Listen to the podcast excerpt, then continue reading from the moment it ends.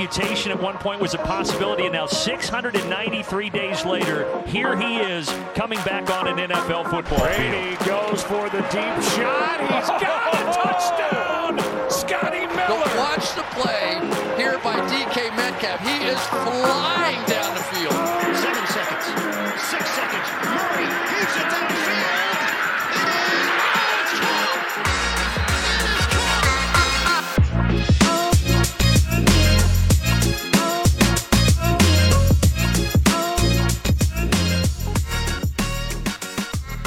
Welkom bij weer een nieuwe aflevering van de Sport Amerika NFL podcast. Mijn naam is eh, Lars Leefdink vandaag gaan wij eh, week 13, jawel week 13 alweer van het eh, NFL seizoen met jullie doornemen. Tijd vliegt, de playoffs staan al bijna voor de deur. Ondanks dat we eigenlijk nog geen idee hebben wie er allemaal in gaan spelen.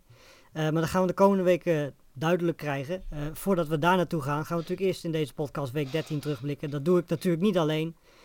Dat doe ik samen met twee andere mensen, Toon Aerts en Chris van Dijk. Welkom heren. Hallo. Hey.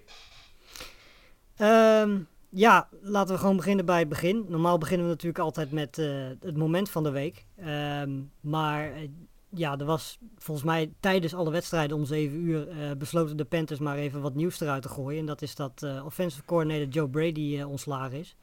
Eh Matt Rule lijkt zelf gewoon op zijn plek te blijven zitten. Lijkt ook niet echt onder druk te staan wat dat betreft. Dus ze hebben ervoor gekozen om Joe Brady eruit te gooien. Ehm, ik denk voor veel mensen toch wel een verrassing. Omdat Joe Brady volgens mij bij veel mensen toch wel bekend staat als een goede creatieve offensive coordinator. Ehm, maar volgens mij kunnen we toch wel stellen dat het eh, dit jaar toch wel heel erg lastig is geweest. En natuurlijk hebben we blessures gehad van eh, Christian McCaffrey. Ehm, maar Toon, is dit echt daadwerkelijk een verrassing dat ze Brady eruit gegooid hebben?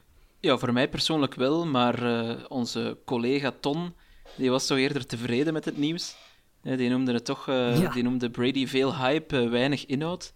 En aangezien hij Ja. de Panthers van veel dichterbij volgt, ga ik hem daarin ook maar gewoon geloven wat hij zegt. Maar ik wil wel de kanttekening maken. Volgens mij is het niet Brady die beslist heeft om zo'n slechte O-line neer te zetten. Volgens mij is het ook niet zijn schuld dat ze 40 quarterbacks eh, onder contract hebben.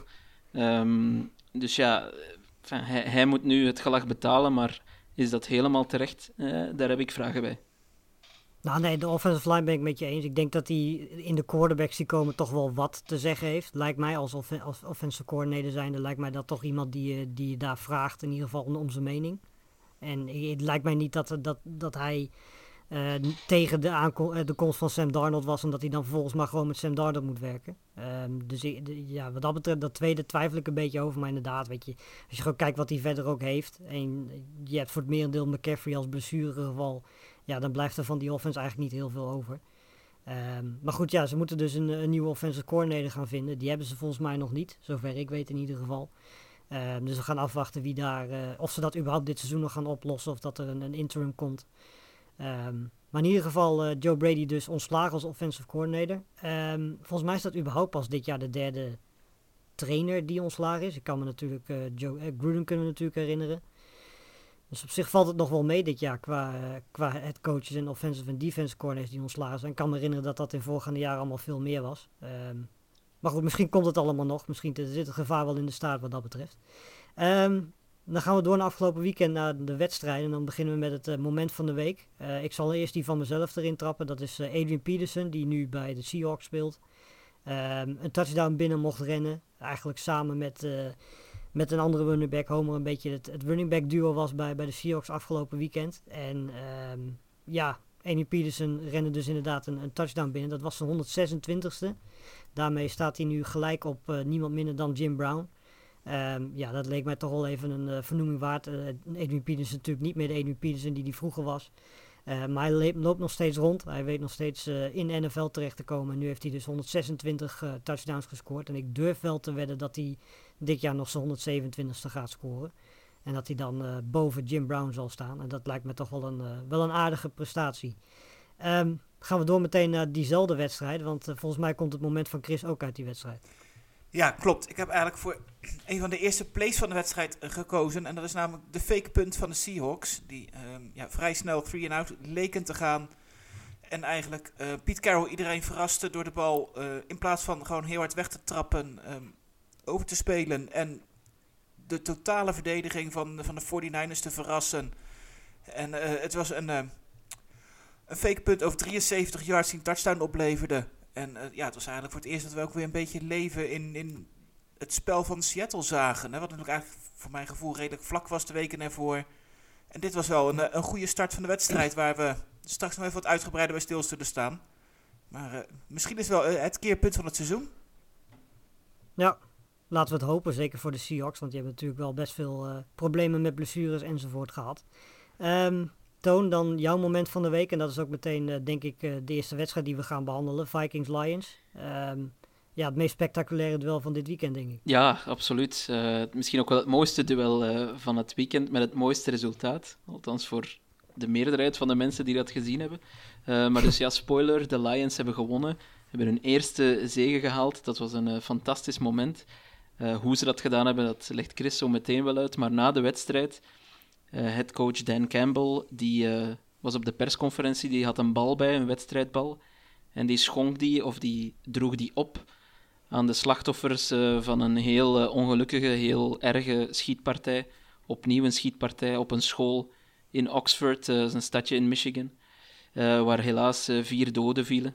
En het is toch fantastisch hoe Dan Campbell daar eigenlijk meteen na de wedstrijd, in plaats van, hoe zal ik het zeggen, uh, aan eigen lof te doen of, of aan eigen promotie te doen, nee. Hij noemde al die slachtoffers bij naam, hij zei dat we ze niet mochten vergeten enzovoort. En uh, ja, ik vind dat een heel mooi moment en het getuigt, wat mij betreft, wel van het soort persoon dat Dan Campbell is. Ik zag ook nog beelden achteraf in de kleedkamer. Die man lijkt daar echt wel op handen gedragen door zijn spelers. Dus um, ja, echt terecht ja. heel, heel mooi moment en een heel mooie zegen voor Campbell, waar ik toch wel stiekem een beetje fan van geworden ben. Ja, nee, het was in principe een mooi einde van sowieso een mooie dag, denk ik, voor, uh, voor alle Lions-fans. Want ja, die hebben al een tijdje, tijdje, denk ik, op deze overwinning zitten wachten, Chris. Was, de, ja, eigenlijk was er voor de Vikings niks aan de hand. Volgens mij stonden ze ook redelijk dik voor. Um, maar ja, de Vikings zouden de Vikings niet zijn als een wedstrijd niet spannend zou zijn. Nee, dat sowieso. En eigenlijk altijd het resultaat wat je van tevoren niet verwacht, dat weet je dat dat een beetje de uitkomst wordt bij de Vikings. Dat is wel een beetje hun, hun verhaal van dit jaar. En, um, nou goed, hè, natuurlijk, Toon ook al zegt, de eerste overwinning van de Lions. De Vikings begonnen met een snelle 6-0 voorsprong. En eigenlijk was dit de grootste voorsprong ook van de wedstrijd. En dat was wel bijzonder, omdat ze tot nu toe elke wedstrijd minimaal 7 punten voor hebben gestaan. En ook die zes uh, eerdere verliespartijen, dus mij uitgerekend tegen de Lions, is hier een einde aangekomen. Nee, dat je van tevoren denk ik toch helemaal niet verwacht. Um, en dat kwam eigenlijk een beetje de omkeer kwam in het tweede kwart. Hè. De Lions die maken twee touchdowns, twee field goals. Uh, onder meer omdat ze een, strip sack hebben op, op Cousins, waardoor ze de bal terugkrijgen. En langzaamaan uh, zie je de Vikings terugkomen. En ik denk dat iedereen het gevoel gaat hebben van hè, ze gaan het toch weer redden. Hè, ze doen toch eigenlijk wat ze horen te doen tegen, de, tegen Detroit. Hè. Ze kunnen dit toch niet verliezen van een ploeg die al een jaar lang, vandaag precies een jaar lang niet gewonnen heeft. Um, en zeker ook omdat de Lions ook op het einde van de wedstrijd gewoon de Lions blijken te zijn. Uh, Goff die gooit een interceptie. Nou, daar scoren ze niet uit. Dan, uh, of de, tenminste, daar scoren dan de, de Vikings uiteraard niet uit. Uh, dus ja. de Lions krijgen opnieuw de bal. Komt 28 yard lijn, eigen 28 yard lijn voor de duidelijkheid. Uh, op fourth down. En Dan Campbell zegt: Ik vertrouw volledig op mijn aanval, op Jared Goff. Ik denk dat hij de eerste elf wedstrijden thuis gekeken heeft of, of het niet gezien heeft. Maar toch denkt hij van, we geven Goff de bal, dan kan hij het oplossen. Nou ja, de uitkomst is denk ik niet heel verrassend. Dat liep niet helemaal zoals hij had gedacht. Goff wordt gesackt, uh, bal kwijt. Dus uh, de Vikings krijgen de bal al in, sowieso in field goal range met een achterstand van twee punten. Maar scoren de touchdown. Nou, de twee punt conversie, die gaat mis. Dus wat dat betreft, hè, het blijft inderdaad een spannende wedstrijd. De Lions krijgen nog één keer de kans. En Goff, die loopt het veld over. 11 yard lijn. Laatste play van de wedstrijd. Hè. Er zijn maar echt voor mij drie seconden op de klok of zo. En ja. hij vindt uh, Amon Ra St. Brown in de endzone. En uh, voor de touchdown. En 9, het staat ineens 29, 27 op het scorebord voor de Lions. En het hele stadion daar werd zo gek dat ze eigenlijk iedereen vergeten is dat na een touchdown ook een, nog een extra punt getrapt moet worden. Dat weet je als je in een seizoen niet zo vaak touchdowns scoort, dan, dan kunnen dat soort dingen gebeuren. Dus ja, eh, zo eindigde deze toch een hele bijzondere wedstrijd ehm, in een overwinning voor de Lions. En, ehm, waarvan denk ik hè, twee verhalen zijn. En natuurlijk uiteraard hoe knap het is dat de Lions gewonnen hebben. Maar het verbaast mij wel dat, eh, dat Mike Zimmer nog mee terug, is, eh, eh, mee terug op het vliegtuig naar huis mocht en het niet gelijk uitgezet is. Of misschien tijdens de vlucht uitgezet is. Maar ehm, nou ja, wat, wat de Vikings aan het doen waren, vooral op die laatste play, dat, dat sloeg eigenlijk helemaal nergens op. Hè. De, je, je weet dat de, de Lions nog één kans krijgen, een touchdown moeten scoren. En ze staan eigenlijk alle safeties, die zijn allemaal halverwege de endzone te verdedigen. En laten zo St. Brown ervoor lopen. En eigenlijk enorm simpel die touchdown scoren. En dat, dat was wel een verrassing. En eh, nou goed, hè, Martijn Bottenberg eh, heeft ook weinig vertrouwen denk ik in Mike Zimmer. Want hij stelde inderdaad op Twitter ook al de vraag van hoe lang blijft hij nog zitten? Nou ja, ik heb net nog even zitten F5. Hij is nog niet ontslagen. dus ehm, ja, het gebeurt inderdaad niet veel. Wat je eigenlijk ook bij, bij Joe Brady al aangaf dit seizoen. Ehm, ja, eh, de Vikings zitten nog in, in de race. En of ze hebben geen vertrouwen in, in de rest van hun coachingstaf dat hij het beter doet en overneemt. Maar eh, ik zeg het eigenlijk al een paar weken. Ik kan me echt niet voorstellen dat Mike Zimmer volgend seizoen de trainer van de Vikings is. Nee, het is eigenlijk een beetje de, dezelfde situatie als, uh, als met Nagy bij de Bears. Volgens mij zitten die twee allebei al jaren in dezelfde situatie. Dat ze eigenlijk niet goed genoeg presteren. Zeker de Vikings natuurlijk niet.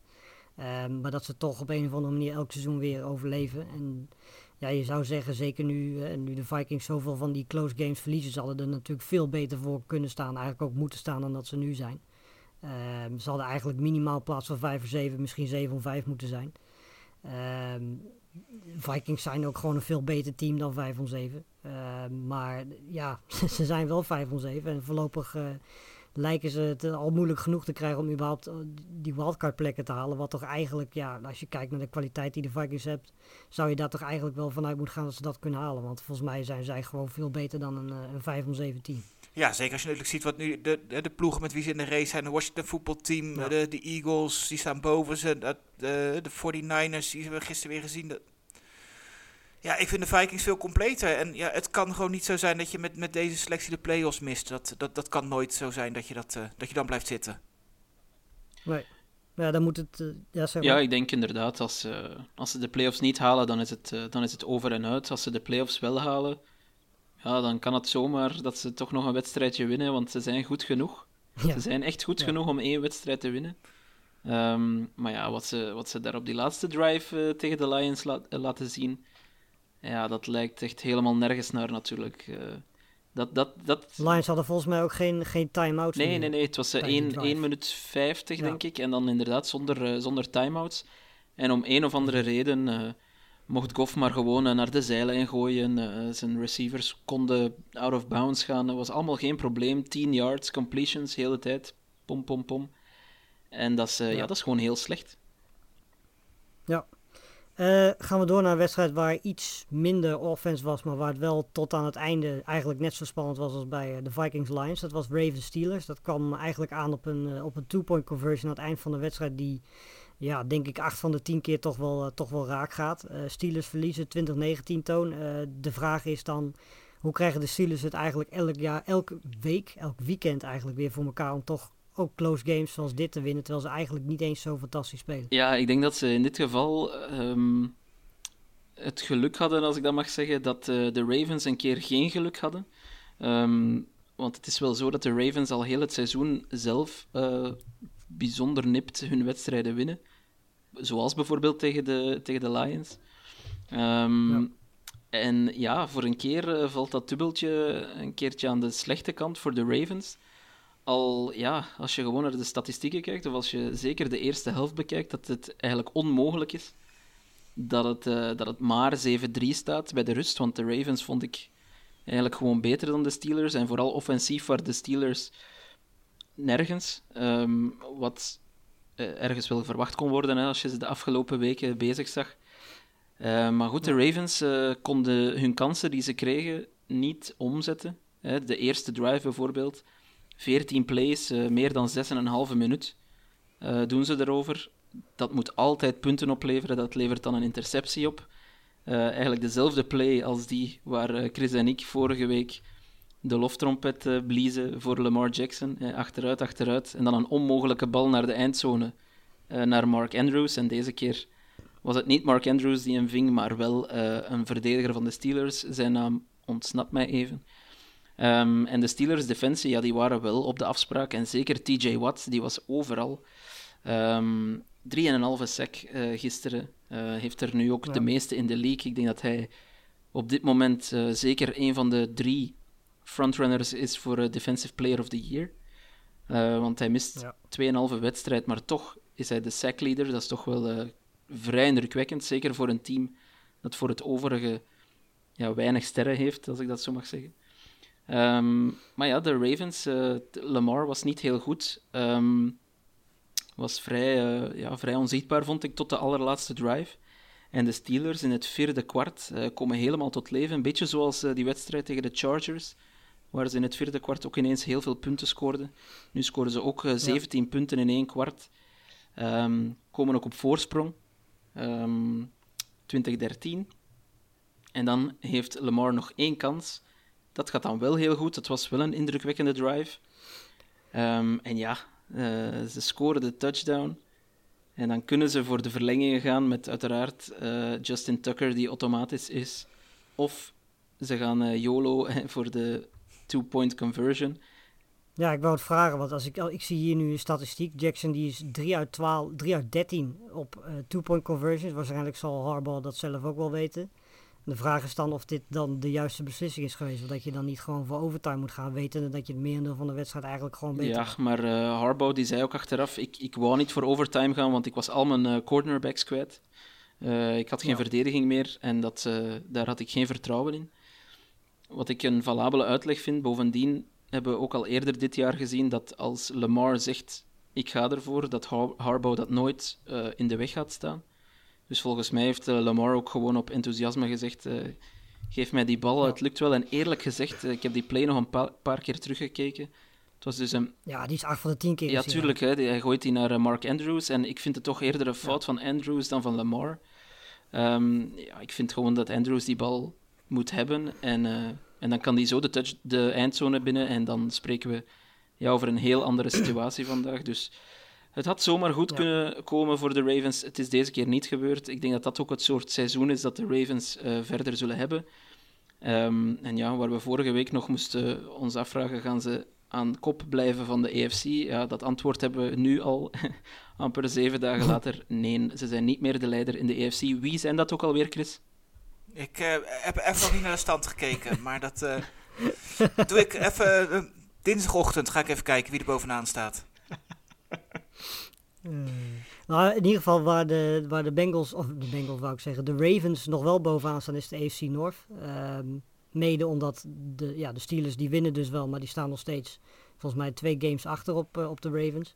Uh, Browns die speelden niet. Um, en de Bengals, en laten we dan maar gewoon gelijk even die wedstrijd erbij pakken. Uh, die verloren ook. Ik had van tevoren best wel veel vertrouwen in de Bengals tegen de Chargers. Dat is heel raar, want de Chargers en Bengals zijn dit jaar zo, zo wisselvallig als weer in Nederland.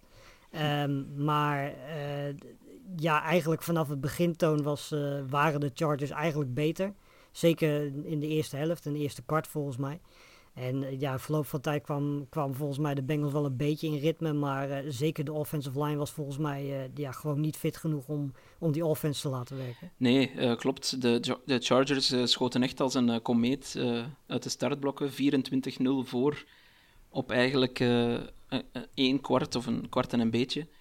Um, en toen dacht iedereen, oké, okay, makkie, de Bengals hebben een off-day. dat komt hier wel goed. Maar de Chargers, zouden de Chargers niet zijn natuurlijk als ze niet weer heel veel fouten beginnen maken. En ze lieten ook de, de Bengals eigenlijk weer in een mum van tijd terugkomen. Um, en inderdaad, tot, tot die, die comeback moet je wel zeggen dat die O-line van de Bengals er heel slecht uitzag. Um, ik denk dat ook Burrow in totaal zes keer gesackt wordt. Dat is toch wel veel. Zeker als ja. je weet wat hij vorig jaar heeft voorgehad. Dus daar uh, doemden de spoken van vorig jaar even terug op, maar ze herpakten zich, uh, de Bengals. Ze kwamen terug tot 24-22. En eh, daar hielden de Chargers een two-point conversion tegen. En dat is misschien wel de, de kickstart geweest om, voor de Chargers om terug weg te lopen. Al, al is daar het grote verschil toch wel een, een cruciale fout die Joe Mixon maakt. Mixon krijgt de bal op een gegeven moment in, de, in het gebied van de Chargers. Verliest die bal, hè. de bal wordt uit zijn handen geslagen, of uit zijn arm geslagen. Wordt Sowieso maakten de running backs in deze wedstrijd. Nee, inderdaad. Dat wou ik inderdaad ook zeggen. Dus Joe Mixon voor het overige, hij scoort wel een touchdown. Maar hij was ja. zeer onzichtbaar, hè, waar je toch had verwacht dat uh, Joe Mixon een, een soort speeldag zou hebben, of een soort, hoe noem je dat op school, een field day zou hebben. Met de zeer ja. slechte run defense van de Chargers was dat helemaal niet het geval. Mixon amper 54 rushing yards, dat is heel weinig, zeker voor zijn doen. En ja, die fumble die wordt gerecupereerd, is dan een, um, een, een, fumble, uh, interce- een fumble touchdown return. En op dat moment uh, zakt het bij de Bengals opnieuw helemaal in elkaar. Um, ja. Joe Burrow die probeerde wel nog, maar die had zelf, um, vond ik eigenlijk wel een goede wedstrijd als je zag wat hij voor had. Hij heeft uh, zijn, zijn pink geblesseerd, vrij in het begin van de wedstrijd. En ik vind dat als je met een op zijn werparm, werphand ik vind als je met een, ja. een, slechte pink gooit, dan vind ik het nog altijd vrij indrukwekkend. De productie dat hij kon, kon verwezenlijken. Maar als zelfs zijn toppers uh, à la Jamar Chase onbegrijpelijke fouten gaan maken. die, die, ja. Er zijn twee intercepties voor Burrow, maar die eerste interceptie, dat is gewoon Jamar Chase die op een of andere manier de bal terug verliest, eigenlijk. dat moet altijd een, een catch zijn, 100 op 100. En dan nog, ook nog eens een touchdown, want hij had het voordeel op zijn verdediger. Maar goed, het viel ja. allemaal een beetje tegen. De O-line was zeer slecht, was zeker niet fit. En de Chargers die profiteerden optimaal uh, van alle fouten uh, die de Bengals maakten en winnen uiteindelijk vrij makkelijk. En zoals je zegt, Lars, het zijn twee teams die elke week kan het ofwel heel goed zijn of het kan heel slecht zijn. Vorige week waren de rollen omgedraaid en ja, de, de, deze keer waren het de Chargers die de betere ploeg waren. Ik denk dat we dat nog voor de rest van het seizoen ja, die jojo verder gaan kunnen zien. Ja, want als we even kijken, dit zijn twee teams die, die natuurlijk gewoon volop voor, niet alleen voor de play-offs, maar ook gewoon in beide divisies meedoen. Uh, ik heb nog steeds het idee dat de Bengals de, de AFC North gaan winnen, daar ben ik nog steeds van overtuigd. Zeker als die offensive line weer fit wordt. Uh, maar zien wij een van deze twee teams terug in de play-off, Chris, of denk je dat ze het allebei gaan halen? Uh, ik heb vorige week gezegd één, alleen de Bengals. En ik neig daar eigenlijk nog steeds naar. Ik heb eigenlijk gisteren niet gezien. De, ondanks dat de Chargers wel een goede wedstrijd speelden. Um, niet het gevoel dat ze de, de Colts van zich af gaan houden. Die voor een iets makkelijker programma hebben. En waarvan ik verwacht dat zij nog uh, de Chargers in gaan halen in de slotweken. Ja, het enige voordeel wat, uh, wat de Chargers dan wel hebben is dat ze bijvoorbeeld nog tegen de Giants en de Texans moeten. Uh, dat helpt. De Broncos moeten ze ook nog tegen. Ja, die andere twee tegen de Chiefs en de Raiders is natuurlijk wel, uh, wel wat lastiger. Uh, maar in principe hebben ze wel wedstrijden die ze, die ze zouden kunnen winnen. Ze staan er natuurlijk al aardig goed voor. Uh, ja, de wildcard plek is natuurlijk wel een plek die in de AFC volgens mij redelijk fel begeerd is. Want volgens mij doet zo'n beetje iedereen behalve de Jaguars, Texans en, en de Jets doen mee daarom. Um, ja, als we kijken naar die divisie trouwens verder, de Chiefs, laten we daar dan maar direct naar doorgaan. Uh, Sunday Night Football tegen de Broncos. Uh, we hadden het idee, tenminste ik had het idee Chris, dat de offense van de Chiefs misschien weer een beetje terug zou zijn. Maar ehm, ja, daar was volgens mij tegen de Broncos weer wederom niet heel erg veel van te zien. Nee, dat viel eigenlijk wel weer inderdaad wel heel erg tegen. Hè? Um, een groot gedeelte, hè? ze maken twee, 20 punten, de Chiefs, hè, waarvan er dan nog zes komen uh, door een pick six van Daniel Sorensen. Uh, ja. Toch ook de, de speler van wie je dat niet verwacht, uh, gezien de rest van zijn seizoen. En aan, Hij was er ook heel blij Ja, snap ik, want hij heeft al, al onze podcast gehoord wat we al over hem gezegd hebben. Dus ja, dan snap ik wel dat je even feest viert als je zo revanche neemt. Maar goed, ja, nee, ja, aanvallend, het, het viel niet, niet mee, hè, zonder dat ze echt in de problemen kwamen hoor. Want de Chiefs waren gewoon beter en gemakkelijk gewonnen van de Broncos. He, maar ja, goed, hè, Mahomes 178 yards, geen touchdowns, één interceptie. Nou, was dat Weer zo'n ongelukkige Niet interceptie. helemaal-. Ik vind dat echt bizar. Dat valt mij misschien meer op dan anderen. Maar ik vind het echt bizar dat die inter merendeel van die intercepties van ons allemaal eigenlijk voor het merendeel toch aan, aan de receivers liggen die ze niet vangen. Nou ja, ja. ik weet niet of jullie dat ook eh, Het is inderdaad al vaak gezegd. hè, Deze ook weer. Hij gaat dwars door de handen van Tyreek Hill. Dan komt hij eh, zo in de handen van, van een Bronco. Dus ja, dat, dat, dat zat niet mee. Heel trouwens sowieso geen goede wedstrijd. We, we- eigenlijk nauwelijks gezien. Eh, Kelsey had een paar vangballen. Ook nou echt onzichtbaar. Het zegt denk ik wel genoeg dat de eh, running backs Daryl Williams en Clyde Edwards-Helaire... dat die de meeste eh, receiving yards hadden van de, van de ploeg. Ook de meeste vangballen Ja. kregen. Dus ja, aanvallend loopt het nog niet. En we hadden natuurlijk van tevoren gezegd van als straks die aanval gaat lopen en hè, ze winnen nu vijf keer op rij. dan zijn ze weer gewoon de, de beste ploeg in de, in de AFC. Maar ik moet het nog wel zien, ehm, eigenlijk. Want ik vind niet dat ze het, het echt, echt bewijzen. En, en dan aanvallend, hè, de verdediging doet het juist wel goed de laatste weken. Ja. Hè, die staat echt, echt als een huis. Hè, de, het grootste gedeelte van de punten van de Broncos. Hè, de, de touchdown die kwam echt toen de wedstrijd al lang gespeeld was in het vierde kwart. Maar ja, hè, ze waren echt totaal onmachtig. Alleen Javonte Williams zag je van Denver. Hè, die had een goede wedstrijd. 102 rushing yards, 76 receiving yards. Hè, maar Teddy Bridgewater was niet, niet goed. En eh, ja, het was eigenlijk gewoon een, een eenvoudige wedstrijd. Wat je misschien van tevoren verwacht. Alleen je hoopt weer hè, dat die aanval van de Chiefs een keer explodeert. En hè, weer, weer de diepe plays, de, de lange plays laat zien waar, waar ze vorige jaren zo goed in waren. Hè, want, want die zijn echt totaal afwezig. Ja, ze hebben nu vijf wedstrijden gewonnen. We kunnen eigenlijk wel stellen dat van die vijf wedstrijden ze vier keer gewonnen hebben dankzij hun defense. Die we volgens mij aan het begin van het seizoen, eh, nou zeker de eerste vier, vijf wedstrijden echt dramatisch zagen spelen. Ehm, op zich is het goed nieuws dat dat dan in ieder geval veranderd is. Alleen ja, de offense gaat dan niet mee. Toon, denk jij dat dat nog gaat eh, veranderen de komende pak een beet vijf wedstrijden? Want ze spelen nog tegen de Raider- Raiders, Chargers, Steelers, Bengals en, en Broncos. Daar zitten toch wel een paar goede defenses Ja, tussen. precies. Eh, ik heb niet, het, niet de indruk dat ze een soort bounce-back game zullen krijgen, zoals tegen de Jaguars of de Texans of wat dan ook. Dus dat is wel een probleem. En ehm, ja, ik weet ook niet. eh, Dan Henses zei het ook in Around the NFL. Je kan nu wel een goede defense hebben, maar als je, als je offense echt niets doet en je komt tegenover een super offense te staan in de playoffs, dan kan dat wel eens heel eh, verkeerd uitpakken. Dus, ehm, dus dat, dat moet ik nog zien. Al is het natuurlijk wel zo dat ze de Cowboys bijvoorbeeld tot negen punten hebben kunnen beperken. Dat was wel eh, heel knap. De Packers tot zeven punten, maar dat was zonder Rodgers. Dus ja, zo dramatisch is het misschien allemaal niet. hè. Het is gewoon niet zo mooi. En ik vrees ook gewoon een beetje dat, we, dat dit de Chiefs zijn eh, waar, we, waar we tevreden mee zullen moeten zijn dit seizoen. Hè, Het is, Ja, eh, Ja. En ik denk ook wel dat jij zegt hè, tegen de super offense dat je die in de AFC ook niet echt tegen gaat komen. Er zijn weinig ploegen die echt zoveel indruk maken. Die denken van nou, daar ga je het sowieso elke defensie het lastig tegen krijgen. Nee, ze hebben het twee keer eigenlijk eh, voor gehad dit seizoen, eh, namelijk tegen de Bills en tegen de Titans toen ze Henry nog hadden. Dan zijn ze wel, ja, dan hebben ze wel een eh, pak slaag gekregen, zeker tegen de Titans. Dus het kan wel, maar, ehm, maar als de defense zo blijft evolueren, zo goed blijft doorgaan en Mahomes wordt nog een paar procentjes beter eh, samen met zijn, eh, met zijn targets, dan, gaat er, eh, dan gaan de Chiefs denk ik op een soort Patriots-achtige manier denk ik wel gewoon de AFC Championship halen.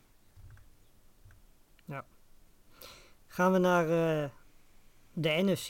Ehm, een divisie waar we van tevoren hadden verwacht dat die misschien wel een van de sterkste zou kunnen zijn in, in de NFL. Dat is niet helemaal zo uitgepakt. Deels ook omdat de Seahawks, die afgelopen weekend dus eh, wonnen van de 49ers, natuurlijk best wel wat blessures eh, hebben gehad. Ook nog steeds hebben natuurlijk, met, met een Carson bijvoorbeeld.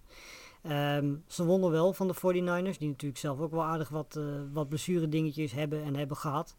Ehm, ja, Chris, die, die, die wedstrijd volgens mij was het close tot het einde. Letterlijk tot de laatste, laatste paar seconden, of niet? Ja, tot de allerlaatste seconde. En dat, eh, het, het leek een lange tijd eigenlijk of, of beide ploegen hem niet wilden winnen. Want het was niet de beste wedstrijd. Hè. De spanning vergoedde heel veel. Ehm, ik denk dat het grootste voorbeeld eh, de Gerald Everett was, de tight end van de, van de Seahawks. Zo. Ik, ik denk dat er weinig spelers zullen zijn die een slechtere wedstrijd spelen in hun carrière dan dat Everett dat dat, dat zondag deed. Want ehm, hij verloor twee fumbles. En eh, één keer toen liet hij de bal een paas van Wilson door zijn handen schieten. En schopte eigenlijk die bal in een reflex omhoog. Waardoor de verdediger van de, van de 49ers in de endzone staat. Die kan zo de bal onderscheppen. Ja, dat kostte de, de Seahawks nog weer punten. Hè. ehm.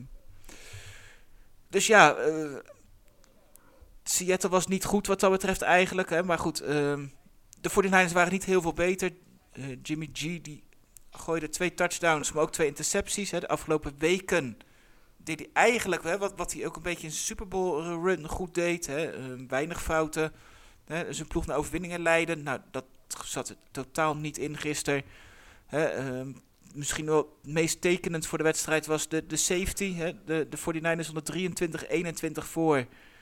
En, en Jimmy G staat met de bal in zijn eigen endzone en wordt daar gewoon ja, eigenlijk vrij simpel getackled. En eh, dat kost ze twee punten.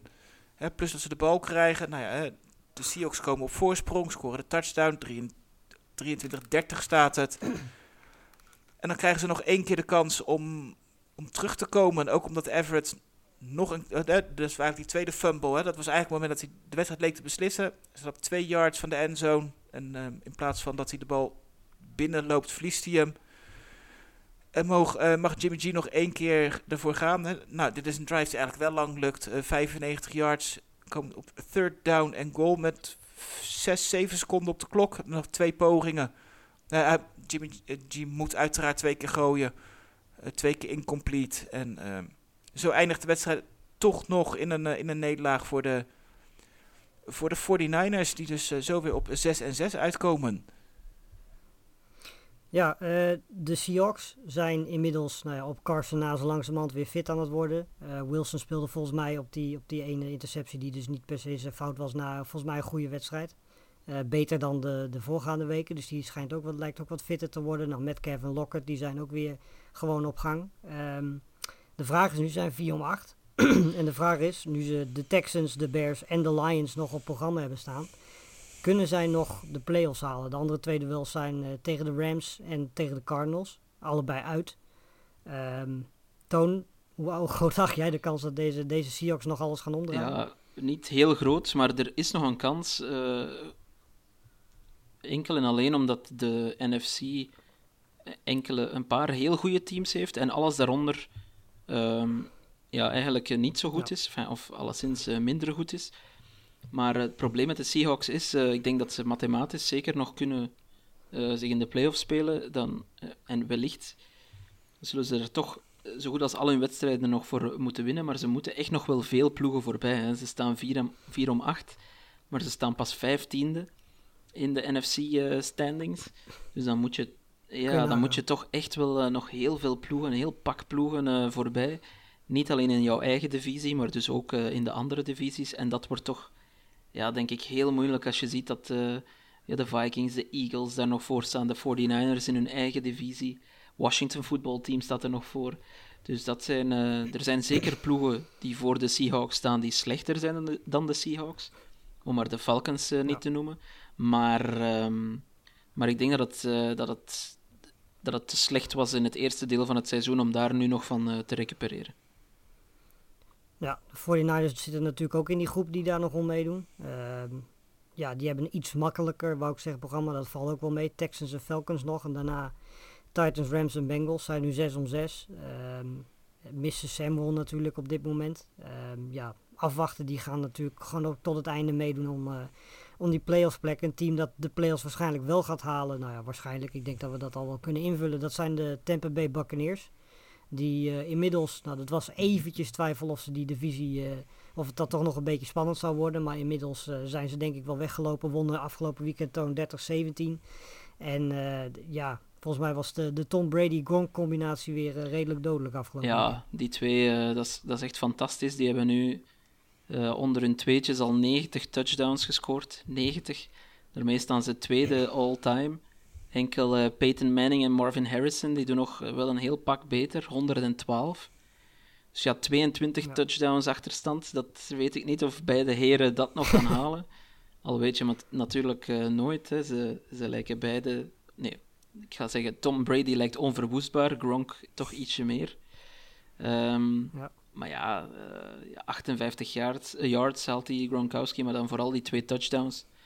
Dat doet hij toch weer fantastisch. En het is ongelooflijk om te zien hoe die twee eigenlijk eh, de Tampa Bay Buccaneers ja, op hun rug nemen.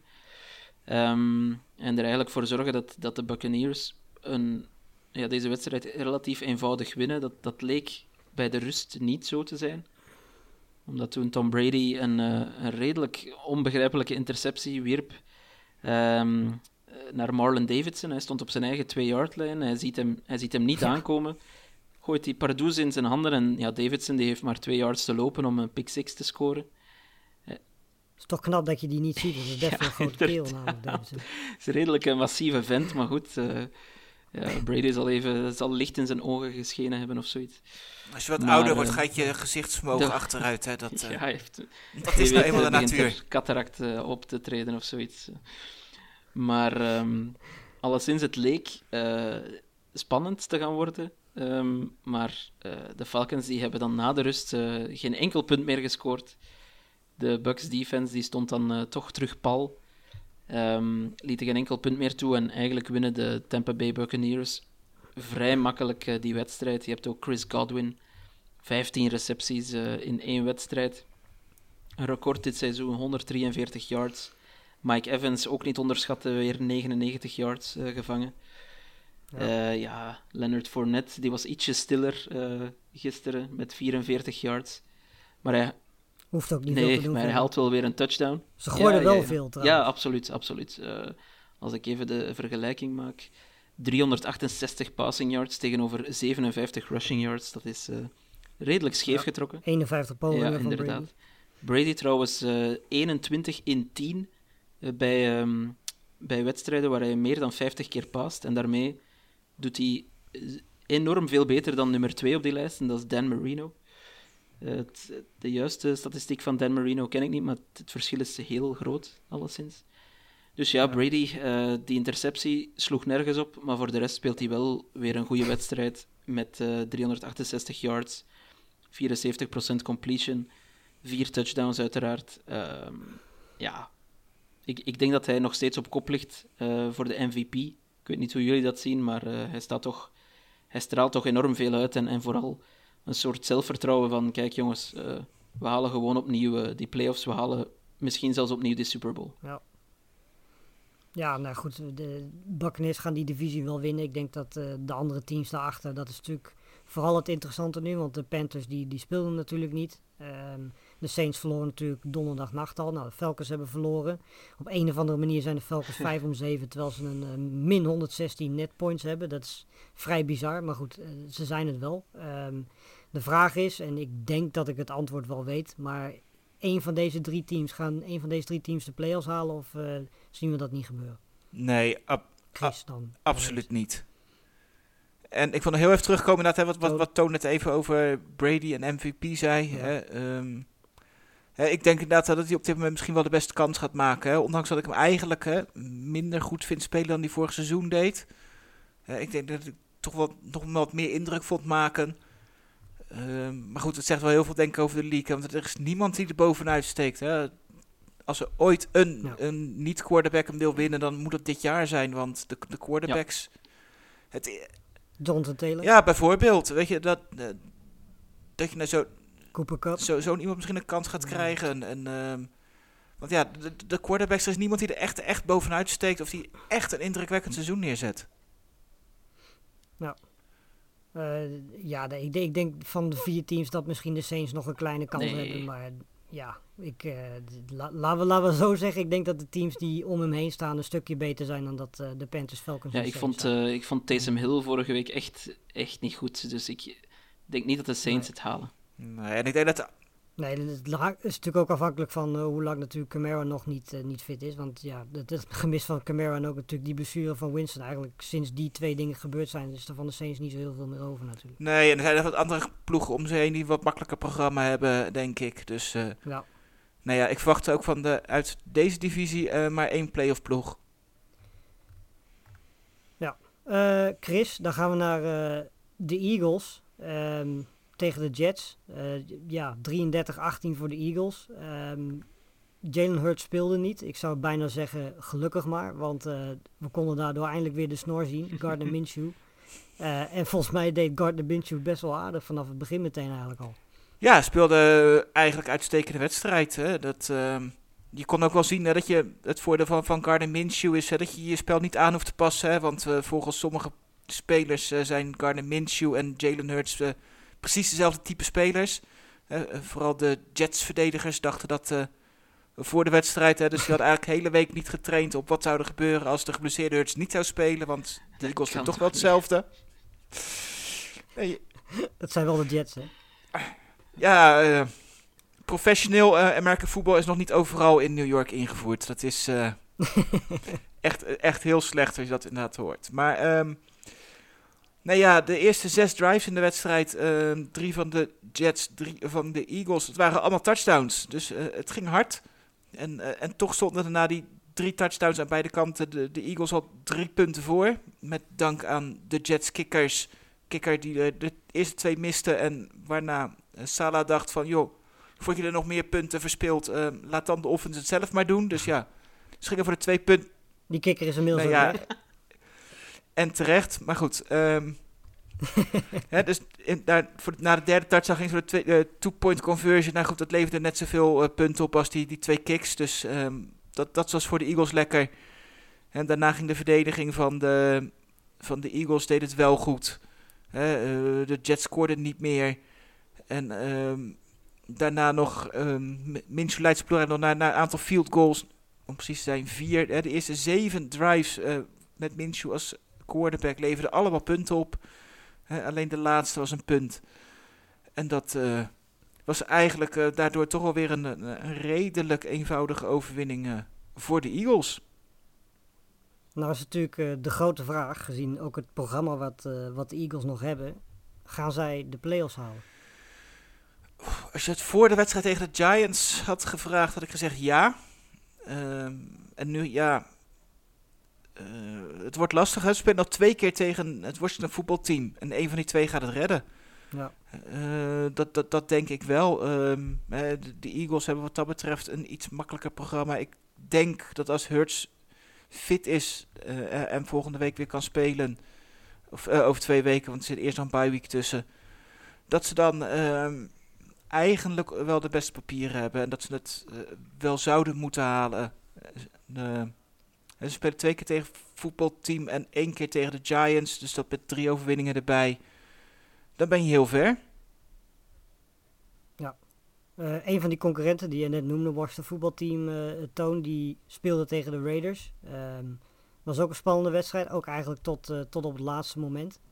Ehm, maar uiteindelijk ja, won Washington voetbalteam wel. De Raiders gaan zo, zo langzamerhand weer heel erg keurig naar rond 500, zoals ze altijd zijn. Ehm, en ja, wat betreft Washington voetbalteam, eh, ja, Antonio Gibson, 111 yards.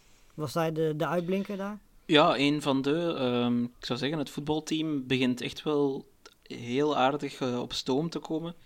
Eigenlijk wat we allemaal een beetje hadden gehoopt of voorspeld eh, vooraf het seizoen. Dat voltrekt zich nu een klein beetje. Alleen hadden we gedacht dat de quarterback in kwestie dat dat Ryan Fitzpatrick zou zijn. Maar eigenlijk doet Taylor Heineke dat eh, best goed.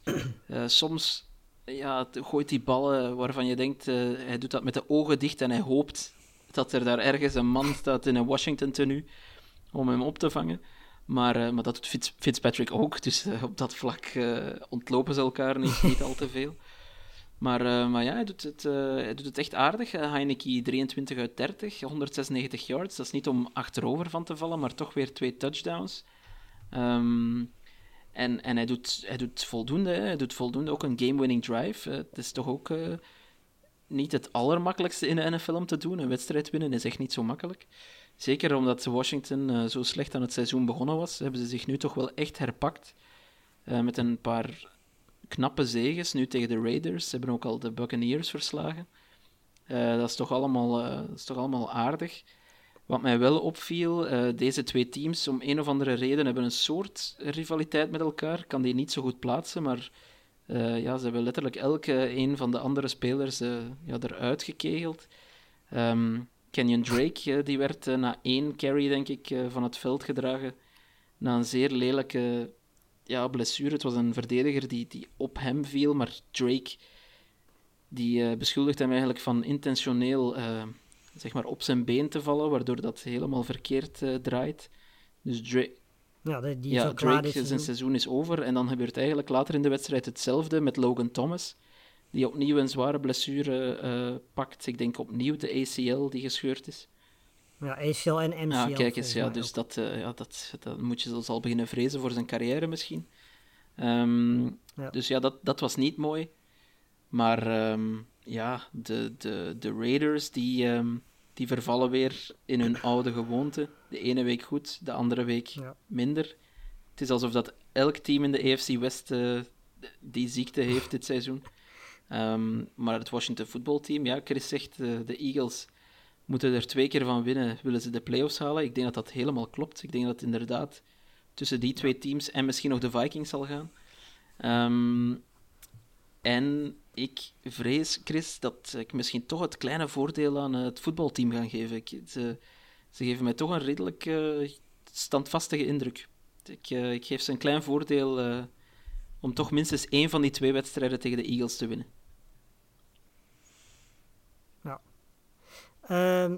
Wa- nou goed, was het voetbalteam duidelijk. De Raiders is dan natuurlijk de vraag. Die zijn nu 6 om 6. Ehm, in principe zou het op een of andere manier mogelijk kunnen zijn om straks met een 500 eh, record de playoffs te halen als nummer 6 of nummer 7. Eh, de vraag is, gaat dat gebeuren? Spelen tegen de, tegen de Chiefs, tegen de Chargers, tegen de Browns, tegen de Colts en tegen de Broncos nog. Dat is niet een heel erg makkelijk programma. Ehm, Chris, hoe groot acht jij de kans dat de Raiders eh, met een 500 record, want we mogen er gewoon vanuit gaan dat ze daar ongeveer uit zullen komen. Dat- is gewoon wat ze doen. De vraag is, is dat genoeg? In de AFC is dat zeker niet genoeg. In de NFC zou het met 500 het best nog eens kunnen gaan redden. Ehm, daar daar Ja. ligt gewoon het aantal wat lager. Maar als je nu ziet dat alle ploegen die nu op een wildcard plek staan, die staan al op 7 en 5. Nou ja, die gaan er echt nog wel twee wedstrijdjes winnen. Dus aan, aan acht overwinningen heb je niet genoeg. Ehm, en daarbij denk ik dat de, de Raiders al blij moeten zijn als ze het seizoen eindigen op, op 500. Want zelfs dat zie ik niet gebeuren. Want ehm, nee, ik, ik heb wel een beetje het gevoel dat die wedstrijd op, op Thanksgiving... dat dat een beetje een, een uitzondering is voor hoe ze op dit moment spelen. Eh, waar ze van, van Dallas Ja. wonnen, maar de rest... ehm, eh, Dallas, wat trouwens ook nog wel wat, wat spelers miste. Dus ja, als je naar de rest van het programma ziet, zware uitwedstrijden... ehm, denk ik dat ze er misschien nog eentje gaan winnen... en dat het eh, voor de rest eh, een lastig verhaal gaat worden. Ja, ik denk, Ja. Ik denk dat ook trouwens, hè, Lars. Eh, ik denk dat je met 500... Trouwens, trouwens ehm, mathematisch kan dat niet meer dit seizoen, jammer genoeg, om 500 te eindigen, maar dat eh, terzijde. Dat is waar Maar eh, ik denk dat zelfs Ah, de- negen overwinningen dat dat niet genoeg gaat zijn. Eh, ook vorig jaar trouwens was eh, tien overwinningen bijvoorbeeld voor de Dolphins, als ik me dat goed herinner, niet genoeg om de playoffs te halen. Ja. Dus ik vrees voor de Raiders dat dat hetzelfde verhaal zal zijn. Ehm, je ziet nu dat er vijf teams niet in de playoffs zitten die een eh, 500 of beter eh, record hebben in de AFC. Dus ehm, nee, Ja. de Raiders, ik denk, eh, denk dat ze tekort gaan schieten. Goed dat je het over de, over de Dolphins hebt. Want eh, ja, de Dolphins die hebben, geloof het of niet, vijf duels achter elkaar gewonnen. We hebben het volgens mij twee, drie weken geleden al gezegd dat ze goed in vorm waren en ook een programma hadden waar ze wel wat mee konden. Ehm, ze zijn nu 6 om 7, omdat ze met eh 20-9 in een prachtige wedstrijd gewonnen hebben van, eh, van de Giants. Ehm, ja, Tua die speelt heel erg goed de laatste, laatste weken. Die combinatie met, met Waddle, met Gesicki is, is heel erg goed. De defense van de Dolphins is weer, eh, is weer op gang gekomen. Waardoor ze nu in plaats van 1 om 7, 6 om 7 zijn. Ehm, ja, de vraag is, en die gaan we dan hier ook maar gewoon weer stellen. We hebben volgens mij twee, drie weken ook al banden toe. Geloofden we er nog niet echt in. De vraag is, is dat met onder meer de Jets, de Saints eh, de komende twee weken op programma veranderd? Gaan de Dolphins een serieuze kans hebben om, eh, om mee te doen om die playoff plek? En gaan ze dat misschien ook wel halen? Begin ik met, eh, met Chris. Nee, is eigenlijk een beetje de, de Dolphins zijn een beetje wat dat betreft misschien wel de Seahawks van de AFC, alhoewel de Seahawks het nog moeten laten zien. Ehm, en daar geef ik eigenlijk nog misschien wel een betere kans dan, dan de Dolphins. Ehm, ik moet zeggen dat eh, het schema wel echt mee zit wat dat betreft natuurlijk. Hè. Een weekje vrij. Dan de Jets. Nou, Ja. de Saints hadden we net ook al over gehad. Hè, dat er toch wel blessures een stuk minder is geworden. Nou, de Titans die hebben ook een enorm gehavend team. Dus op het moment dat die nog niet iedereen terug hebben. Uh, wat Derrick Henry sowieso nog niet zal spelen. Hè, waarschijnlijk, uh, Julio Jones zal waarschijnlijk wel weer spelen. Dus het zal niet zo slecht zijn als de afgelopen weken. Maar goed, hè, het is wel een, een ideaal moment om die te krijgen. En dan op de laatste dag nog de, de Patriots die ze al eerder verslagen hebben dit seizoen. Dus we moeten dat gewoon blijven benadrukken elke keer als het kan.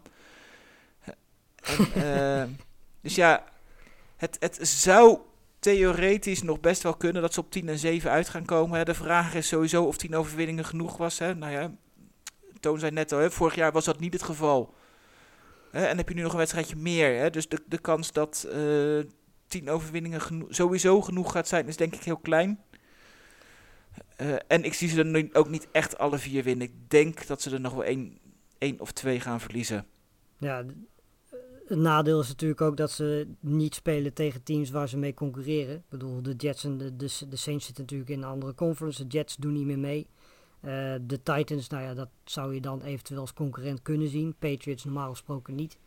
Uh, dus ze kunnen ook niet uh, de concurrenten waar ze in principe mensen moeten gaan inhalen, die kunnen ze ook niet zelf een nederlaag gaan, gaan geven. dus dat is iets wat niet in het voordeel van de Dolphins werkt. Maar goed, ik denk dat we nadat ze 1-7 begonnen waren, dat ze überhaupt in deze positie zitten. Um, ja, is denk ik op zich al knap genoeg. En het is in ieder geval goed om te zien dat, dat Tua zijn vorm en zijn ritme... Na die hele ernstige blessure die natuurlijk vorig jaar had opgelopen... in ieder geval een beetje, een beetje gevonden heeft. Ja, de Giants hebben nul ritme. Uh, geen quarterback. geen, ja, nou ja, amper fitte running backs. Half fitte running backs. receivers die soms fit zijn, soms niet fit zijn. we kunnen volgens mij het seizoen van de Giants heel kort samenvatten. Vergeten en, en door naar, naar volgend jaar.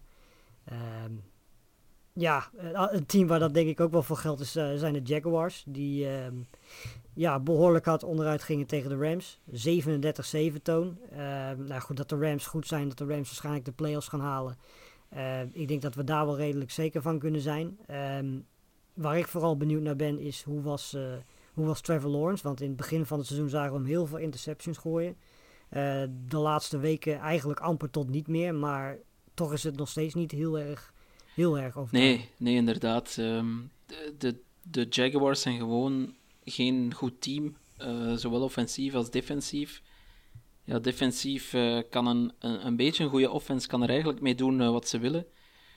En offensief, ja, daar gebeuren ook zo'n rare dingen. En Urban Meyer is volgens mij toch echt niet gemaakt om in de NFL te coachen.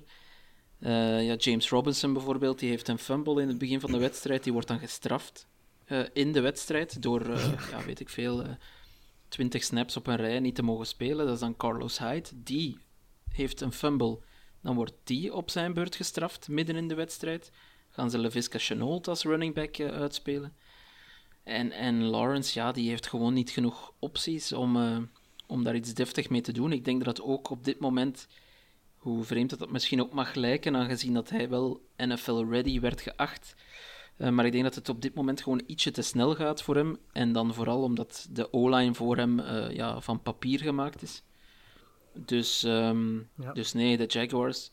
Zijn beste wapen, DJ ja, Chark zit op IR, absoluut. Dus uh, nee, de Jaguars, dat, dat komt niet meer goed dit seizoen, uiteraard. En ik wou het eigenlijk bij het stukje over de Dolphins al zeggen.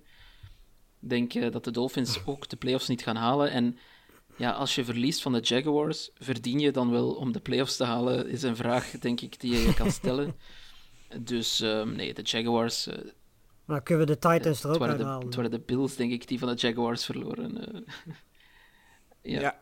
Dus ja. de Titans die hebben van een ander heel slecht... Van de Texans verloren, dacht ik. En de, en de Jets? Um, dat was hem, ja. ja. Nog erger eigenlijk. Maar goed, uh, nee, de Jaguars heel slecht. En ik denk uh, dat ze er daar in Jacksonville heel goed aan doen om op het einde van dit, dit seizoen, of misschien moeten ze zelfs uh, tot dan niet wachten, om Urban Meyer gewoon uh, terug naar college te sturen, want het gaat niet werken, denk ik. Nee, dat, uh, dat denk ik ook niet. de Rams, gaan wij die nog, ja, de Cardinals zijn, laten we die Cardinals er dan ook maar gewoon gelijk bijpakken. Die, die wonnen van de Bears. Ja, 33-22 ziet er heel erg spannend uit, Chris. Maar dat, dat was het volgens mij niet echt. Uh, Kyler Murray en Hopkins waren terug en die speelden eigenlijk alsof ze niet, niet terug waren. Um, alsof ze niet weg zijn geweest, moet ik eigenlijk zeggen. Um, op basis van deze twee wedstrijden, hoe hoog achten wij de kans dat de Rams misschien nog de Cardinals in die divisie uit kunnen, kunnen dagen? Of zijn de Cardinals op dit moment zeker met een fitte Murray en Hopkins het beste team in, in de NFL. Of ze het beste team zijn in de NFL, weet ik niet.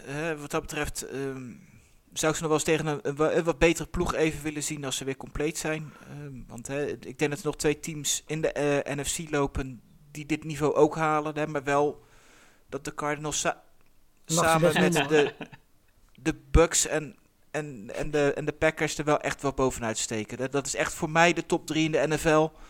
En dan is er echt wel een gat uh, naar, naar de rest. Ook met de AFC erbij. Ik vind die drie ploegen er, er wel bovenuit steken dit seizoen. Uh, nou, laat ik het dan anders zeggen. Kunnen de Rams daar de komende vier, vijf weken nog aansluiten? Uh, bij dat groepje van drie. Ik zie het niet gebeuren. Ik denk dat de blessure van Robert Woods wel heel belangrijk is voor een aanvallend. Uh, dat hebben ze natuurlijk geprobeerd op te lossen met Odell Beckham Jr. Maar dit is gewoon in principe bijna dezelfde Beckham als die we gewoon in, in Cleveland hebben gezien. Uh, twee, ja. twee vangballen had hij gisteren, zat wel een touchdown bij, maar daar hield het ook wel mee op. Dan weer wel fit. Dan ja, en als hij ballen in, zijn richting, hè, dat, dat hij het niet achterdraagt, dat hij het gewoon niet meer lijkt te kunnen. Of, of dat er ook iets, iets met hem aan de hand is.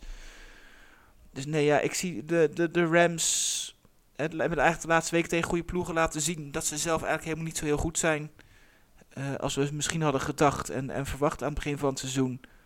En juist de verdediging van de Cardinals is natuurlijk wel gewoon echt heel goed. En uh, een beetje gedragen de weken dat Murray en Hopkins er niet waren dat is eigenlijk gewoon met, met Colt McCoy twee wedstrijden heel makkelijk konden winnen. Ja, en, en nu is Murray weer terug. Die, die uiteindelijk maar 120 passing yards had. Um, dus dat, dat lijkt heel weinig en misschien geen goede wedstrijd. Hè, um, het regende vrij hard in, uh, in Chicago. hij liet in het begin nog, nog twee ballen vallen. Uh, leverde geen balverlies op. Maar goed, hè, het, het, zag heel even een beetje roestig uit aan het begin. En maar uiteindelijk had hij gewoon twee touchdowns. En misschien nog wel belangrijk, wat we eigenlijk weken voor zijn blessure niet hadden gezien, is uh, hij liep ook twee touchdowns binnen. En totaal 10, 10 carries, 59 yards. En uh, ik denk dat de Cardinals laten zien van, dat als ze dat wapen nog steeds gewoon achter de hand hebben, dat ze eigenlijk in het begin van het seizoen niet gebruikt hebben, omdat ze het niet nodig hadden.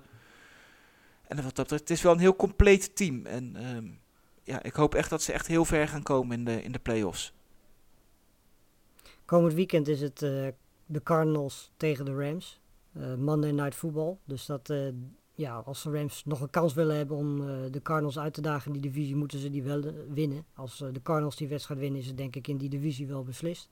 En ik denk op basis van hoe het seizoen tot nu toe gaat, denk ik dat de Cardinals in ieder geval als favoriet die wedstrijd gaan. Ook al, zelfs omdat ze in week 4 natuurlijk met, met 37-20 ook wonnen van, van de Rams.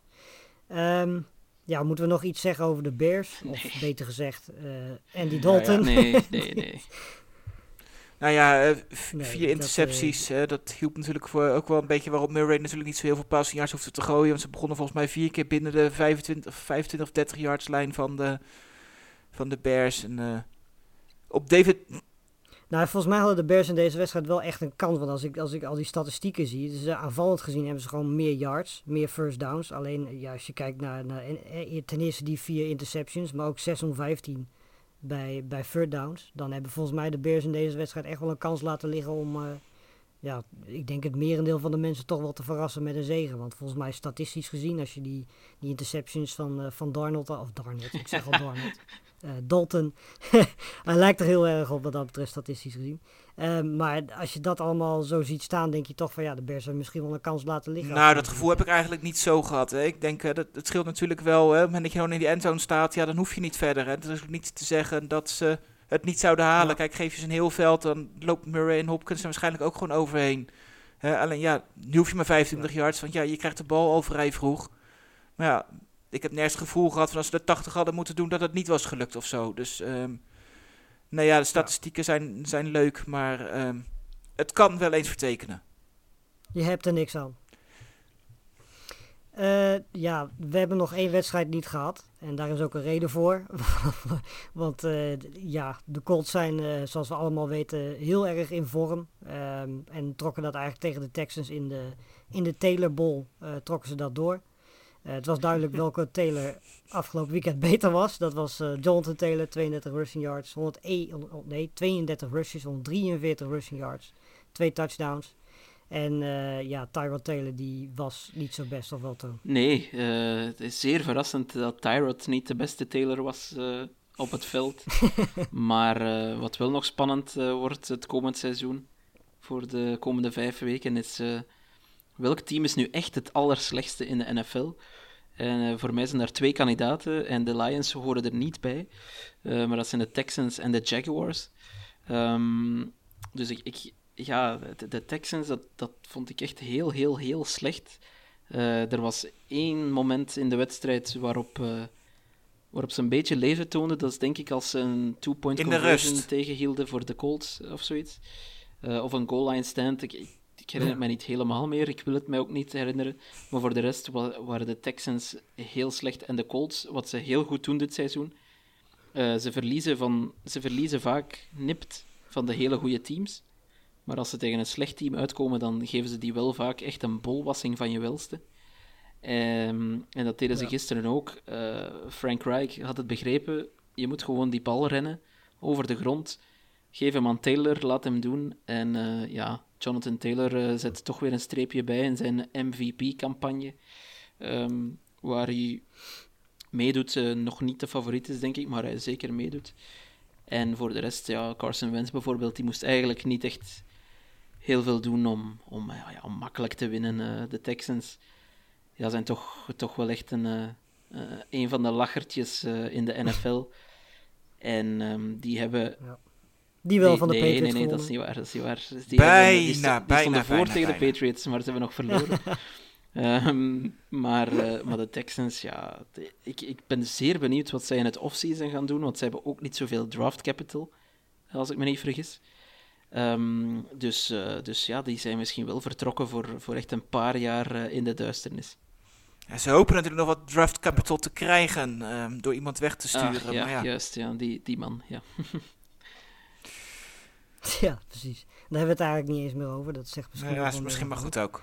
Ehm, ja, dan hebben we alle, al- alle wedstrijden gehad. Eh, we hadden nog een luistervraag van, eh, van Henk Kiel. Ja, volgens mij hebben we deze vraag al een stuk of eh, vijf keer dit seizoen moeten beantwoorden. Hoe is het mogelijk dat er zo weinig kikkers, en ik denk dat we ervan uit mogen gaan dat dit over de Jets gaat. Hoe zijn, is het in godsnaam mogelijk dat er zo weinig kikkers te vinden zijn die een bal recht vooruit kunnen trappen? Ehm, ik begin toch steeds meer te twijfelen over of wij het misschien niet iets te makkelijk doen over van oh, dat kicken, dat kan, dat kan in principe iedereen. Eh, want blijkbaar is het toch wel heel erg. Ja, wat, wat ik mij verbaast is gewoon, en gewoon niet snap, is dat er gewoon meer goede quarterbacks zijn dan, dan goede kickers. En terwijl je zou zeggen dat de, de quarterback-positie, dat, dat kan niet iedereen. Dat, dat is gewoon echt moeilijk en daar komt een hoop bij kijken. En, en blijkbaar leeft, leeft daar veel meer kwaliteit, loopt er veel meer kwaliteit rond dan, dan op kickers. Positie en Ja, ik, eh, ik, ik snap het ook niet altijd even goed. Ik denk wel effectief, Lars, dat wij dat eh, schromelijk onderschatten hoe moeilijk het is om op zo'n bal te trappen. Ik heb er twee keer, denk ik, tegen getrapt eh, in het verleden. En dat voelde niet bepaald geweldig. Ehm, Je kan, geweldig doen. uitgezien hebben. Als je, als Ja, je zeg morgen maar, niks Chris. te doen hebt, dan kan je hem naar de Jets soort morgen. Want eh, met twee keer trappen doet het vast beter dan wat ze nu hebben. Ja, dat kan zijn, maar er zijn veel mensen die, ehm, die het kicken uit de NFL willen halen. Ik snap hun punt, maar eerlijk gezegd, het drama rondom kikkers is toch te leuk om dat aspect uit de NFL te halen. Ik zou het zeggen. Ja, volgens mij levert het ook heel erg veel vermaak op eh, tijdens weekenden. Het is misschien, ja, het is misschien niet helemaal eerlijk om ze het lachertje van de NFL te Maar noemen. Maar volgens mij leeft het, eh, ja, ze doen wel heel erg hun best om op die plek volgens mij te leeft het jou weinig vermaak op hoor, de kikkers eh, op zondag. Nee, dat is ook zo, absoluut. Ehm, ja, gaan we afsluiten. Dan moeten we het toch over de, Chris, over de Patriots gaan hebben. Ehm, want die spelen eh, tijdens Monday Night Football tegen de Bills. De eerste van de twee in de komende drie, twee, drie weken, geloof ik. Hele belangrijke wedstrijd natuurlijk in die, eh, in die divisie. Ehm, ja, hele simpele vraag. Wie gaat er eh, vannacht winnen? Begin ik even bij Chris. Ehm, ik ga, en het doet heel veel pijn, maar ik ga toch zeggen dat de, de Patriots op dit moment een betere ploeg vindt dan de Bills. En dat ze hem gaan winnen. Toon? Ehm, ja, ik, ik wil heel graag de Patriots callen.